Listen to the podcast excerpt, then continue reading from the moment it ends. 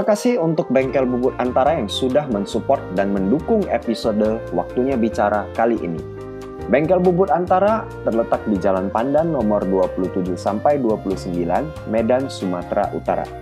Bengkel Bubut Antara adalah perbengkelan manufaktur dan reparasi yang sudah berdiri sejak tahun 1969 dengan ragam pengalaman lebih dari 50 tahun di segala bentuk mekanikal permesinan dan produk jadi untuk industri karet, kelapa sawit, pembangkit listrik, dan bentuk industri manufaktur lainnya. Bengkel Bubut Antara juga merupakan supplier industri terlengkap, kontraktor, dan fabrikasi yang sudah dipercayakan oleh beragam perusahaan ternama dari bidang pengolahan kertas, percetakan, kelapa sawit, pakan ternak, industri beton, dan masih banyak lagi. Nah, buat teman-teman waktunya bicara, kamu nggak usah pusing dan ragu kalau misalnya lagi mencari bengkel bubut. Kamu bisa langsung kepoin di deskripsi detailnya di siniar waktunya bicara. Atau kamu juga bisa langsung hubungi bengkel bubut antara di nomor 061 4147 427 atau di 0811 6106 696. Nah, sekarang udah dulu ya. Kita balik lagi ke inti siniar waktunya bicara. Karena di sini tempat kita semua, di sini waktunya bicara.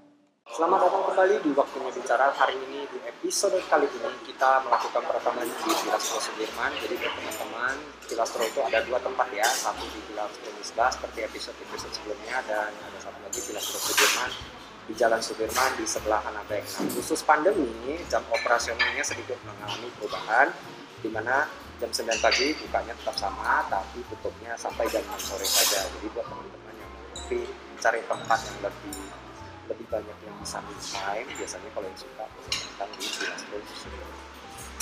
Oke, hari ini saya kedatangan seorang tamu tamu spesial teman saya sendiri teman oh, satu olahraga lah satu bidang. Saya juga banyak komunikasi sharing-sharingnya sama dia khusus ketemu sama ini gue langsung ngajak dia aja. Untuk sharing lebih banyak ke teman-teman. Jadi nggak cuma buat sendiri nih ceritanya. Jadi dia ini sebenarnya termasuk orang yang sangat antusias banget konsisten bahkan sebelum sosial media itu heboh dengan beragam jenis olahraga yang mendadak populer ya karena pandemi ini kita bilang. Jadi bukan olahraga karena pandemi. Iya. Sebelum pandemi udah olahraga. Ya, memang sebelum pandemi sudah olahraga. Jadi mungkin orang-orang seperti ini yang tepat untuk sharing lebih clear ke teman-teman cara mindset kenapa pola gaya hidup sehat itu sangat penting di zaman sekarang. Gitu. Jadi bukan hanya karena untuk pandemi teman-teman ya. Nah, itu kurang lebihnya. Jadi langsung saja ini adalah Agung Bukori. Halo. Pagi. ya pagi Agung. Nah, jadi Gong, kan lu bo- lu boleh dibilang itu sport enthusiast lah ya Mas. Boleh lah ya. Menurut kau boleh atau enggak? Ya, belum tahu lah. Aku kan nggak tahu istilahnya amatirnya apa. Karena kau diundang hari ini ini sebagai apa dulu? Oke, boleh lah. Aku boleh lah. Sport Nah ya, ya. dalam seminggu itu aku mungkin bisa olahraga 5 sampai 6 hari. Seminggu itu 5 Seminggu. sampai 6 hari. Ya, jadi misalnya minggu itu kan 7 hari. Ya, Jadi kemungkinan aku off-nya itu satu hari. kamu off-nya itu satu hari. dan bisa jadi kadang tujuh hari ya tujuh harinya olahraga tapi yang aku bagi nggak semuanya yang memaksa badan sampai gimana enggak Oke. dibagi sesuai kebutuhan lah dibagi sesuai, sesuai kebutuhan. Nah, ini 5 sampai 6 hari ini kan berarti termasuk bahkan kan kalau kita nih misalnya orang-orang yang mungkin rutinitasnya ada kerja kantoran dan segala macam mungkin muatnya ya seminggu cuma sekali kan gitu luangin waktu. Itu sebenarnya ngaruh nggak atau memang sebenarnya dianjurkan itu kita itu olahraga ya setiap hari. ngaruh kalau aku bilang kalau kau bilang orang yang punya yang kerja cuma punya waktu sehari menurutku itu mungkin karena dia memang nggak suka olahraga atau nggak mau maksa Beda ya? beda ada emang orang yang kalau hobi olahraga dia pasti nyempatin kan di waktu-waktu senggangnya ya. aku mungkin aku juga punya aktivitas aku juga kerja kan Ya. ya kan nggak mungkin aku olahraga aja tapi aku nggak kerja juga Nah, jadi gue ya, ya, ya. jadi aku bagi misalnya kayak aku ada kerjaan siang atau sore ya aku pagi pasti sempatin olahraga dan misalnya kan kalau aku ada kerjaan pagi sebelum aku ada kerjaan itu sebelum aku kerja ya aku harus sempatin olahraga Oke, ini supaya tidak terlalu jauh, aku lupa nanya. Lu olahraga itu mulai mulai mulai olah sama olahraga itu sejak di usia berapa gitu? Atau di tahun berapa? kalau suka olahraga kayaknya dari kecil emang suka Oh, Dari dari kecil. SD itu aku emang suka main bola Oke, SD suka main bola terus SMP SMA nggak terlalu lah ya. terus semenjak aku nggak rajin main bola SMA itu aku agak overweight Oh, bandel kau. bandel kau. nggak makanan itu kan enak-enak kali kan Oh iya iya iya iya iya. iya. terus semenjak overweight uh, sempat check up gitu SMA lah kalau nggak salah. Nemenin ibu check up ke Penang ditawarin coba check up lah gitu kan. Check up ternyata ada beberapa penyakit nih dikasih tahu dokter. Hah, kau udah penyakit iya asam urat sama kolesterol. Oh, itu penyakit itu udah kayak wajib itu terus zaman sekarang. terus dokternya bilang eh, kau masih muda gitu. Kenapa kau bisa sakit gini? Apa makanan kau yang mana gaya hidup kau? kata dia gitu kan. Gue jelasin terus dia bilang ya udah coba kau jalan hidup sehat lah mulai rukun olahraga lagi. Gitu jauhin makanan ini makanan itu gitu kan berhenti merokok semua segala macam dijelasin ya terus aku kayak boleh juga nih aku coba pulang dari Penang langsung daftar gym. Hmm, dari gym dulu dari gym ya? dulu awalnya dari gym tapi emang di gym tuh aku lebih suka olahraga yang kardio dibanding apa apa namanya angkat berat Agak berat. jadi ya lebih sering treadmill gitu kan atau kayak ada spinning gitu. Terus lama kelamaan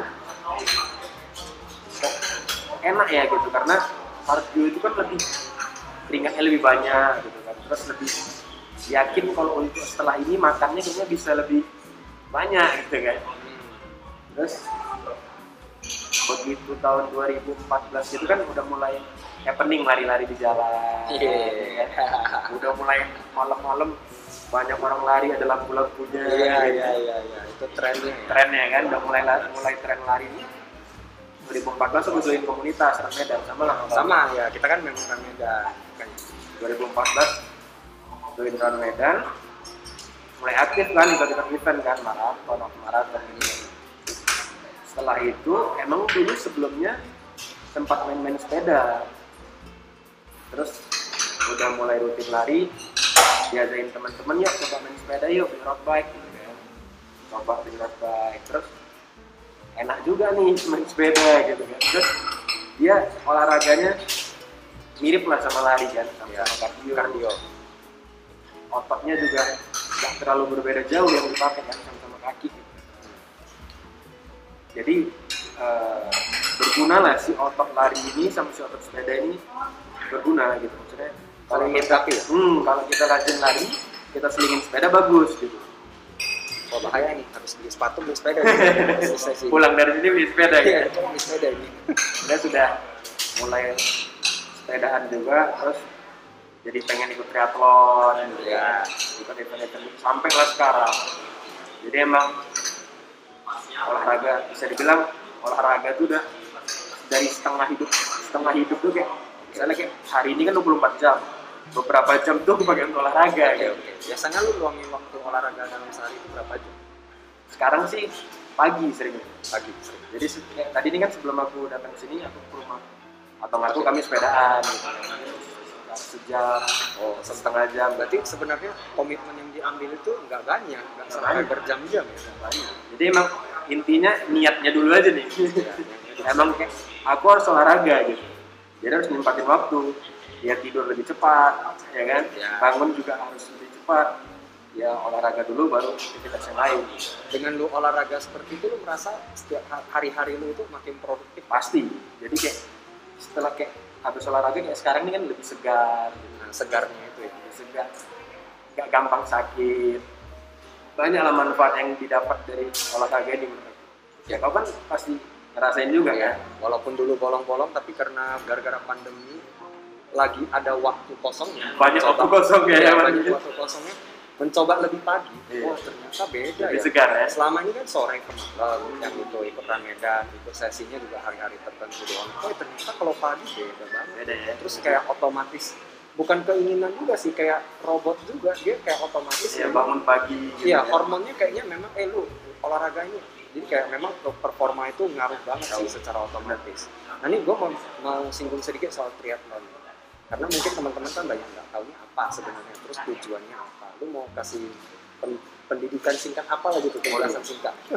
mungkin aku bukan ahlinya sih tapi ya Iya. pengalaman sesuai yang alami aja ya pengalaman pengalaman jadi triathlon itu dia tiga olahraga digabung jadi satu multi sport Oke. diawalin dari renang setelah renang dia sepedaan setelah sepeda dia lari. Oke. nah jadi makanya digabung tiga olahraga jadi namanya triathlon Oke. aku kemarin udah sempat pernah ikut sekali. Sih Oke. itu juga eh, kayak mini triathlon itu di Jakarta. Ya, ada eventnya triathlon badis namanya jadi berenangnya di pool di kolam renang GBK sekitar 400 meter. Setelah berenang 400 meter sepedaan sekitar 25 kilo setelah sepedaan 25 kilo lari 5 kilo. Jadi itu disambung terus dalam sambung satu dalam satu satu waktu itulah. Habis berenang langsung lari. Eh habis berenang langsung jalan ngambil sepeda. Sepedaan setelah sepedaan taruh sepeda jalan lagi langsung lari. Oke. Tujuan triathlon itu sebenarnya untuk mencapai apa itu? Kalau dalam segi kesehatan kita lah kita bilang. sebenarnya sama aja mau olahraga lari sepeda main. Biasa aja gitu satu olahraga sama. Karena kan memang dia ya olahraga basicnya kan sama gitu Basicnya sama. tapi emang kayak aku ngerasa udah bisa lari nih sering lari. Udah ikut event half maraton maraton. Apalagi ya gitu. Oh, lu mencari pencapaian apa iya jadi kayak kayaknya bosen nih kalau cuma lari aja. Ya udah, Emang emang lu emang mau terpikir jadi atlet apa gimana sampai misalnya lu berpikiran seperti itu?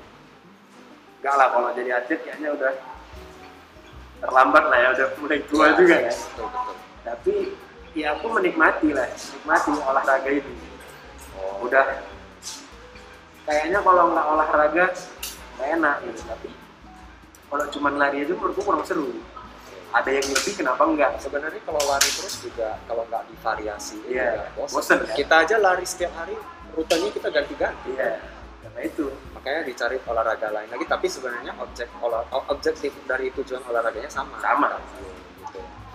Oke, menarik, menarik. Nah, nih, jadi kan kita bicara soal gaya olahraga kamu. nah ntar apa kan lari Nah, nanti tinggal beli sepeda masuk berenang ke triathlon Iya ya, tinggal dua itu ya.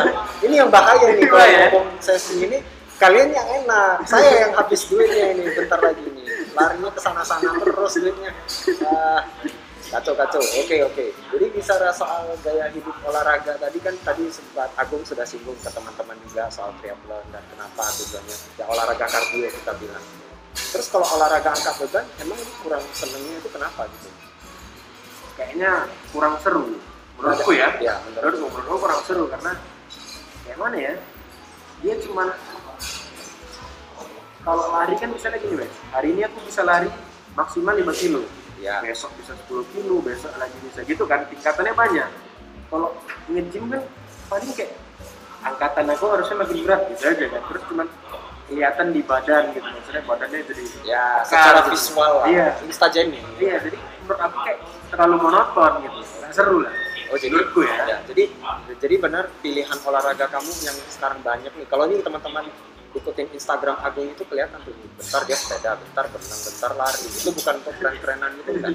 enggak lah Bukan untuk konten lah ya. ya emang betul-betul ya ini ya tuh aku menikmati Dan nih. memang ada istilahnya triathlon Iya. kan tadi kan. Itu kan sebenarnya juga bukan bikinan baru di abad bukan, bukan, ke-20. udah lama ini Iya, ini ini olahraga, lama olahraga lama aja. jadi ya ada. kalau kayak Wesley bilang di Instagram Agung banyak foto dia lari, foto dia berenang, foto dia sepedaan ya aku kayak pengen ngasih tahu ini olahraga ini bagus gitu Ya, ya kan jadi ya apa sih nggak sa- nggak salah kalau kalian coba ya betul betul. Terus pendapat lah.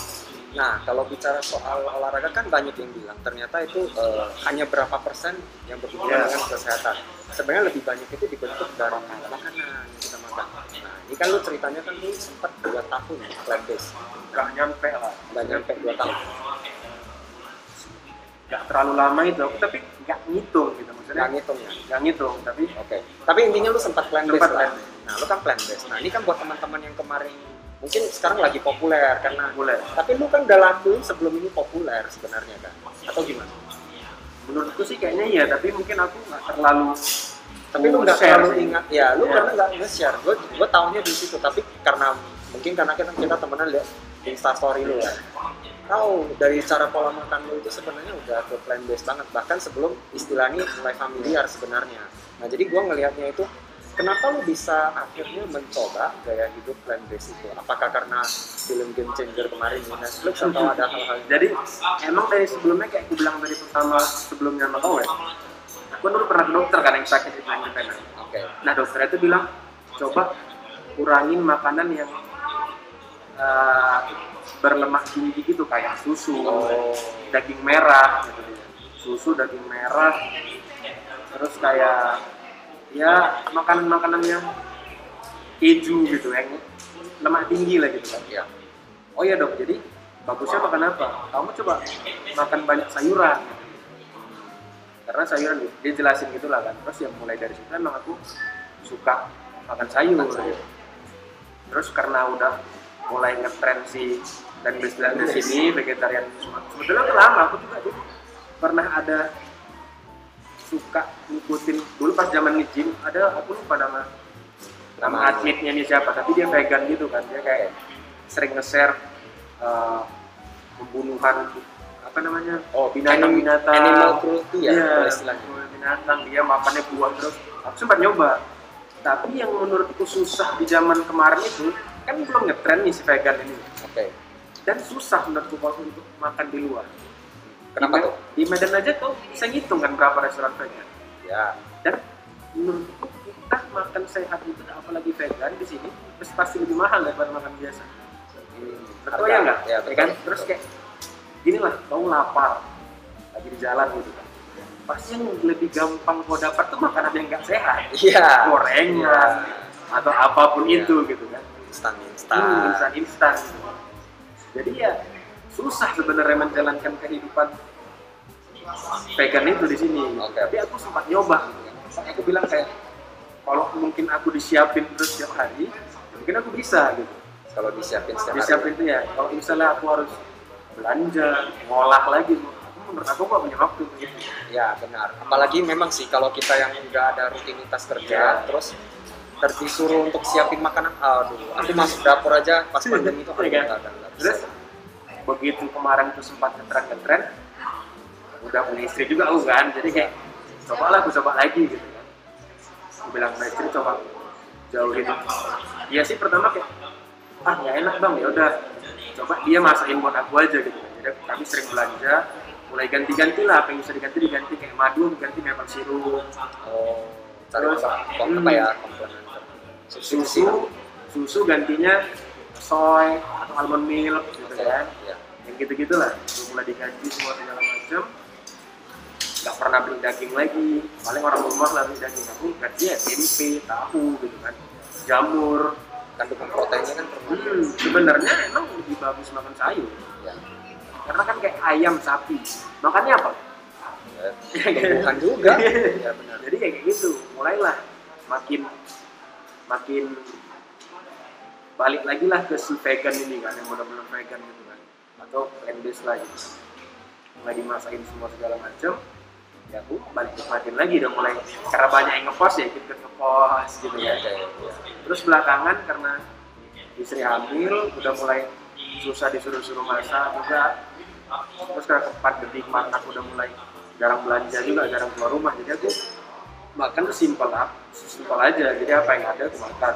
Maksudnya simpel apa aja yang dimakan tuh seperti apa? Ya makanan rumah. Tapi aku tetap nyarankan orang rumah ya. Kalau bisa belanja belanja banyak belanja sayur kayak aku. Jadi aku di rumah juga sering makan tempe oke. tahu gitu kan. Paling pasta direbus pakai tempe tahu pasta direbus dengan tempe tahu. Bayangin teman-teman itu rasanya seperti apa? Mungkin kalau paling teman-teman dikasih saus lah biar agak kerasa sih. Nah, kalau teman-teman aduh makanan apa itu? Wah, kan ada stigma-stigma seperti itu. Yang kalau misalnya mereka langsung disclose kan, wah aku nggak bisa lah kalau nggak makan pun daging. hmm, tapi pun aku nggak tiap hari juga makan gitu. Sekali-sekali kan kayak sih nongkrong di kafe ya nasi bungori ya makan juga. Tapi kadang ayamnya nggak aku makan cuma nasinya aja dikasih pecel. Nah, itu yang membedakan vegetarian sama plant based. Iya. Kan katanya kalau bahasa bercandanya anak muda itu kan dibilangnya kan komunikasinya gini. Plant based itu lebih liberal. kalau vegan itu kan lebih eh, mungkin ke agama salah satu Oh, agama iya. gitu ya kan makanya perspektifnya itu lu kalau ke kafe ya juga walaupun gitu ya nggak makan ayamnya Iya. makan mie aja gitu kan jadi aku ya sesimpel mungkin lah jadi sekarang kalau disuruh milih kalau misalnya kayak ada makanan nih ada ayam bakar atau apa gitu kayak misalnya prasmanan oke ya aku pasti ngambil sayur-sayurnya aja Sayur-sayur. lu bisa tahan gitu kalau misalnya ayamnya enak sama kambing lah kalau kita bilang itu kan dulu apa kambing gulung itu kan menggoda banget itu dari aroma itu. apalagi restoran aku jual kambing Nah, itu kan. Tapi lu gimana cara latih lidah lu untuk terbiasa makan-makan sayur? paksa Paksa. karena menurutku rata-rata itu kayak cuman apa ya bilangnya sugesti Sugesti. ya kayak ada orang kan kayak aku sebenarnya udah lebih lah enam tahunan nggak makan nasi Berapa tahun? enam tahun lebih jadi kayak yang dari semenjak aku berobat ke Penang itu setelah itu aku mulai ngejauhin nasi dan ini udah lama lah kayak enam tahun jalan tujuh tahun Nasi itu kan makan makanan pokok. Lu ganti sama apa aja Oh, contohnya apa nih? Misalnya lu makan siang lu biasa apa kalau nggak ada nasi? food jadi Serius? food direbus ya direbus dikasih kecap kalau misalnya makan di luaran ya aku nggak makan apa aja yang ada apa apa aja yang ada aku makan tapi aku nggak makan nasi Kenapa lu Kentang. se, konsisten itu? Apakah nasi itu ada sesuatu yang bikin lu nggak boleh makan? enggak karena kemarin dokternya sendiri bilang ngambil penanya tuh bung kau harus kurangin makan nasi karena nasi itu gula gini dijelasin ya. Ya. dan emang asal aku cerita cerita sama orang apalagi yang olahragawan emang nasi itu kurang bagus karbohidratnya gula terlalu tinggi menurutku ya nanti Oke. jangan sampai aku diserang netizen Iya. nanti ada pencinta nasi garis keras marah dia sama aku kan Ya, kan dia kan ini kan kita bicara dari perspektif Iya, olahraga, yang bukan wajib. ya. Nah, kalau orang mau gaya hidup sehat, ya nasi itu harus dipandang sebagai ya memang kurang baik. Jadi, Tadi. yang udah enam tahunan lebih hampir enam tujuh tahun lagi yang sama sekali aku makan tuh nasi oke. sama indomie Wow. makanan terenak kan itu kan Bener-bener lu nggak pernah. pernah bolos kayak sekali gitu dalam setahun dalam, tuh pun maksudnya satu suap juga nggak pernah dalam 6 sampai 7 tahun. Iya.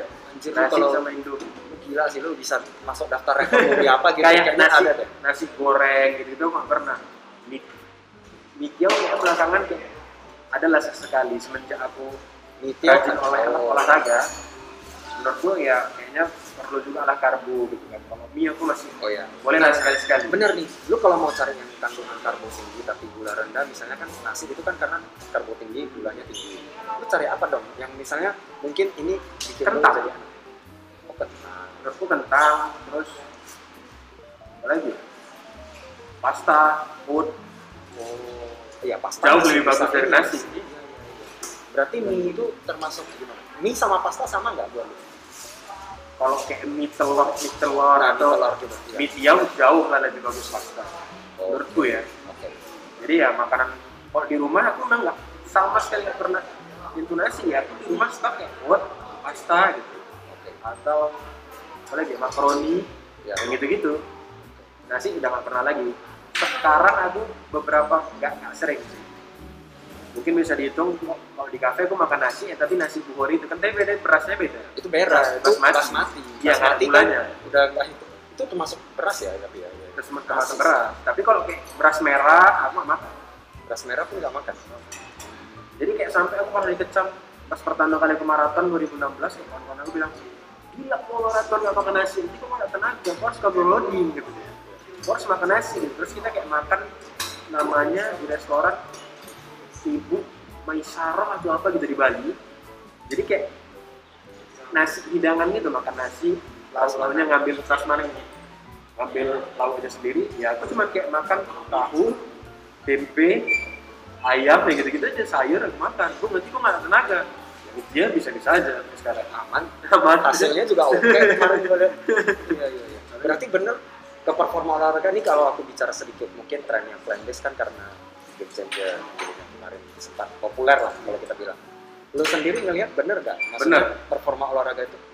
aku berani jamin karena aku udah nyoba kemarin aku terakhir kali maraton itu bulan 2 ini di Bangkok jadi latihan aku tuh nggak terlalu kayak maraton maraton aku sebelumnya tapi aku bener-bener melakukan si makan sayurnya aja gitu si pelan base ini gitu ya Si pelan dasar ya. Lu jadi kan kayak makan makan ya. tahu tempe terus kacang hijau kedelai gitu kan itu aja aku makanin emang aku ngerasa badan aku lebih fit dan bukti memang maraton aku waktu gue lebih kencang daripada yang sebelum sebelumnya Ya, jadi benar ternyata dengan pola makan yang tepat, Iya. gaya hidup sehat, ternyata itu semuanya ada impact lah. Iya, ya. jadi- aku pernah ngeliat di kayak di Google gitu atau kayak sering orang-orang bilang kalau kita olahraga hasil dari olahraga kita tuh cuma 30 persen 70 persen itu di makanan dan menurutku itu benar sekali karena Udah lu ngalami. udah, lu udah ngalami. Ngalami. BTW nih, ini kan tadi lu sempat singgung sedikit soal yang plant based kan ternyata lu eh, sejak pandemi lu mulai eh, nggak ma- nggak makan plant based juga ya gitu. maksudnya lebih apa ya bilangnya nggak terlalu tanda kutip harus clean base jadi apa yang ada ya aku makan aku nggak mau repot karena lagi nggak mau repot karena pandemi, atau pandemi alasan karena kan pandemi harus belanja malas belanja malas keluar rumah gitu. jadi aku mau yang sesimpel mungkin tapi kalau di rumah itu ada ya pasti aku makan Oke, Gitu. jadi kalau tiba-tiba hari ini ada menu ayam lu juga lagi makan gitu.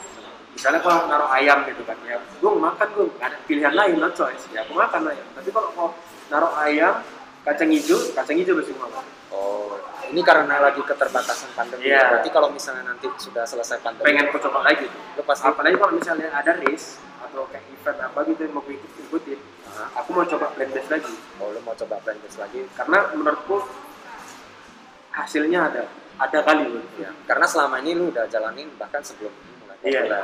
Makanya gua pengen lu sharing ke teman-teman biar tahu. Nah, BTW ini kan soal tadi kan istilah, ini istilah aja sih Istilah. sebenarnya. Plant based, vegan dan segala macam. Ini kan karena lu kan lebih gua tahu lu orang yang taat agama juga segala macam lah gitu. Nah, gua mau singgung sedikit nih karena kan vegan ini terlalu indikasinya dengan pendekatan agama. Makanya gue lebih senang konsep plant based buat aku lebih cocok karena itu nggak terlalu menyinggung isu-isu lain lah ya lu isu sehat aja udahlah nggak usah campur-campur yang lain. Lu sendiri sebagai seorang muslim lu gimana menanggapi kalau aku pernah kayak nanya-nanya juga ke kawan-kawan Yang lebih gimana ya aktif. ya kayak mana ya nggak makan daging gitu kan terus kayak nanya ke ustadz-ustadz juga gitu kan yang lebih paham lah dibanding aku Iya. dibanding gitu. ya sebenarnya nggak ada masalah berarti dalam ajaran agama kamu sendiri tidak ada menyinggung bahwasanya tidak boleh makan daging atau apa itu nggak nggak ada masalah ya tapi tidak mengharamkan juga Nah, yang penting kan itu Iya, kalau di itu. ajaran kalian. kebanyakan kan orang kayak aku vegan ini nggak boleh nggak boleh kamu makan daging kan banyak orang kayak gitu kan Oke. Ya, sebenarnya ya itu nggak boleh ya apa yang bisa kau makan ya kau makan Oke, kita berarti nggak boleh mengharamkan apa yang dihalalkan kan gitu juga Oke, berarti ini yang penting eh, sah lah gitu secara agama itu tidak menurutku ya menurutku sah Oke, jadi berarti kita udah bahas soal gaya hidup olahraga, soal ini.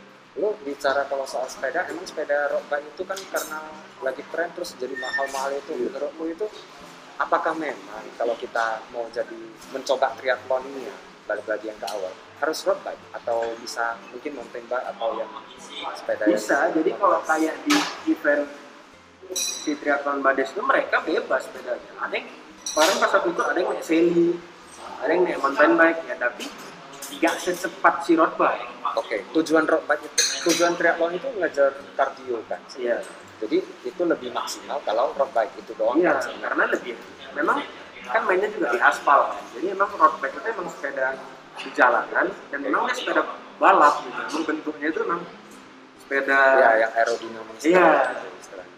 dibanding MTB yang besar gitu atau yang seli yang terlalu ringkih lah gitu bilang Oke, oke. Jadi kalau misalnya nih kita eh, pemula nih, apakah memang gaya hidup sehat itu harus triathlon atau yang penting salah Jangan. satu aja atau apa gimana menurut? kalau menurut aku ya intinya olahraga apa pun itu Apa pun itu. apa pun itu Mau angkat beban atau kardio yang penting Iya. olahraga. yang penting olahraga Keringat ya. dan yang penting konsisten Nah, jangan misalnya kayak aku hari ini harus olahraga karena dia baru olahraga misalnya hari ini dia nyoba lari atau nyoba nge-gym atau apa pun itu lah oke.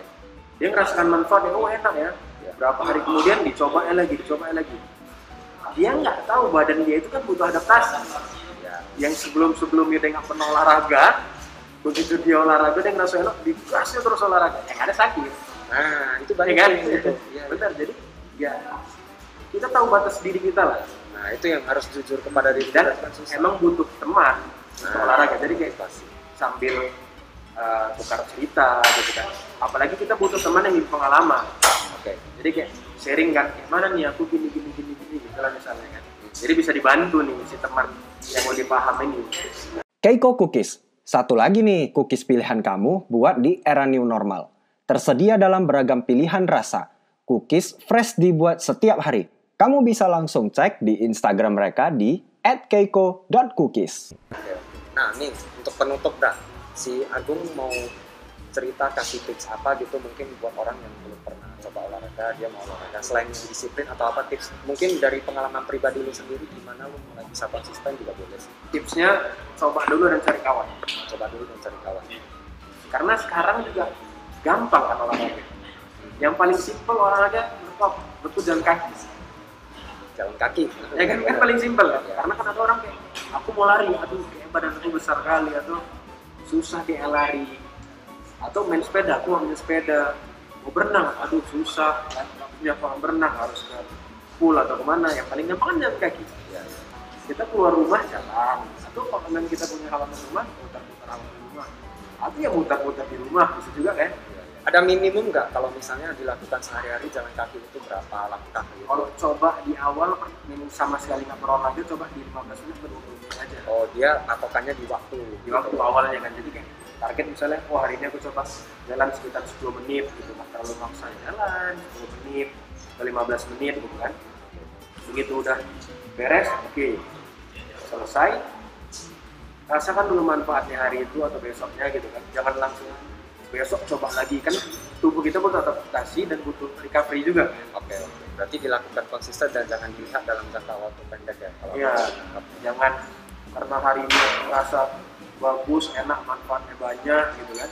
Besok mau coba lagi, besok coba lagi. Akhirnya sakit, sakit Oke. berlebihan. kalau untuk tips pemula untuk pola makan gimana aku mau bilang apa Pola makan susah juga. Lu lu langsung lu harus terlihat meyakinkan kalau itu kayak sih enggak enggak enggak. Maksudnya nggak maksudnya meyakinkan orangnya tuh karena kan kayak rasanya aku juga sering jumpa orang kayak mana gue cara nggak makan nasi. Ya jangan kau makan lah, cuman lagi bilangnya, gitu lah istilahnya kan.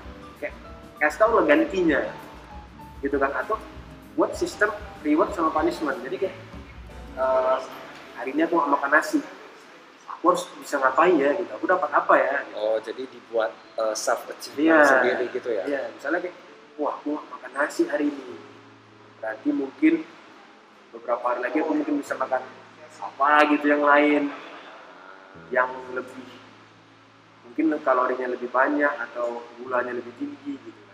Oke oke. Jadi perlahan dulu. Perlahan, memang semuanya pasti kalau dari perlahan. jenis makanan mungkin membantu nggak? Mungkin itu jenis makanan yang sebenarnya dari pengalaman Agung waktu pertama plant based itu oh ini cita rasanya lebih bisa diterima mungkin bidang kalau yang paling gampang sebenarnya tahu tempe, tahu tempe. Gampang dicari, nggak mahal juga kan di mana-mana ada. Dan tahu tempe itu eh, apa namanya manfaatnya banyak. berarti nggak ada alasan. Kalau selalu ada stigma bilang makanan sehat itu biasanya kan banyak orang kayak aku kalau nggak makan nasi lemes gitu pusing menurutku itu nggak ada. Nggak ada itu Karena mindset. itu mindset itu kayak karena kau udah biasa makan nasi ayo makan nasi nanti aku lemas gitu nggak ada menurutku ya. Kita kan di brainwash gitu doang makan ke mana-mana di kafe juga aduh nggak ada nasi. Makan nggak nasi ya nggak kenyang sampai stigma semendarah daging gitu lah istilahnya. emang udah bawaan semua orang rata-rata lah gitu. Hari ini uh, kita kedatangan Agung Butori ya teman saya juga teman lari di komunitas Run Medan juga Uh, sampai akhirnya dia juga sebenarnya banyak menginfluence aku untuk gaya hidup sehat itu seperti apa sharing-sharing juga ya. jadi memang benar sih namanya juga susah perubahan gaya hidup ini tapi ya kembali ke pilihan teman-teman pendengar juga lah yang hari ini mau atau tidak itu kembali ke kalian ada gitu. pengorbanan kan pasti ada hasil Ya, ada pengorbanan, ada hasil. Aku rasa itu cukup uh, sum up dengan topik bicara kita uh, hari ini soal plant based lah. Jadi buat teman-teman, ya selamat mencobalah. Kita sama-sama berjuang ya, karena memang ada pengorbanan. tetap hasil. semangat Ya, yang penting tetap semangat lah. Oke, oke. Thank you. semangat dan konsisten Siap, Thank you, siap. Thank you guys. Sudah datang pagi ini cerita-cerita ke kita. Semoga bermanfaat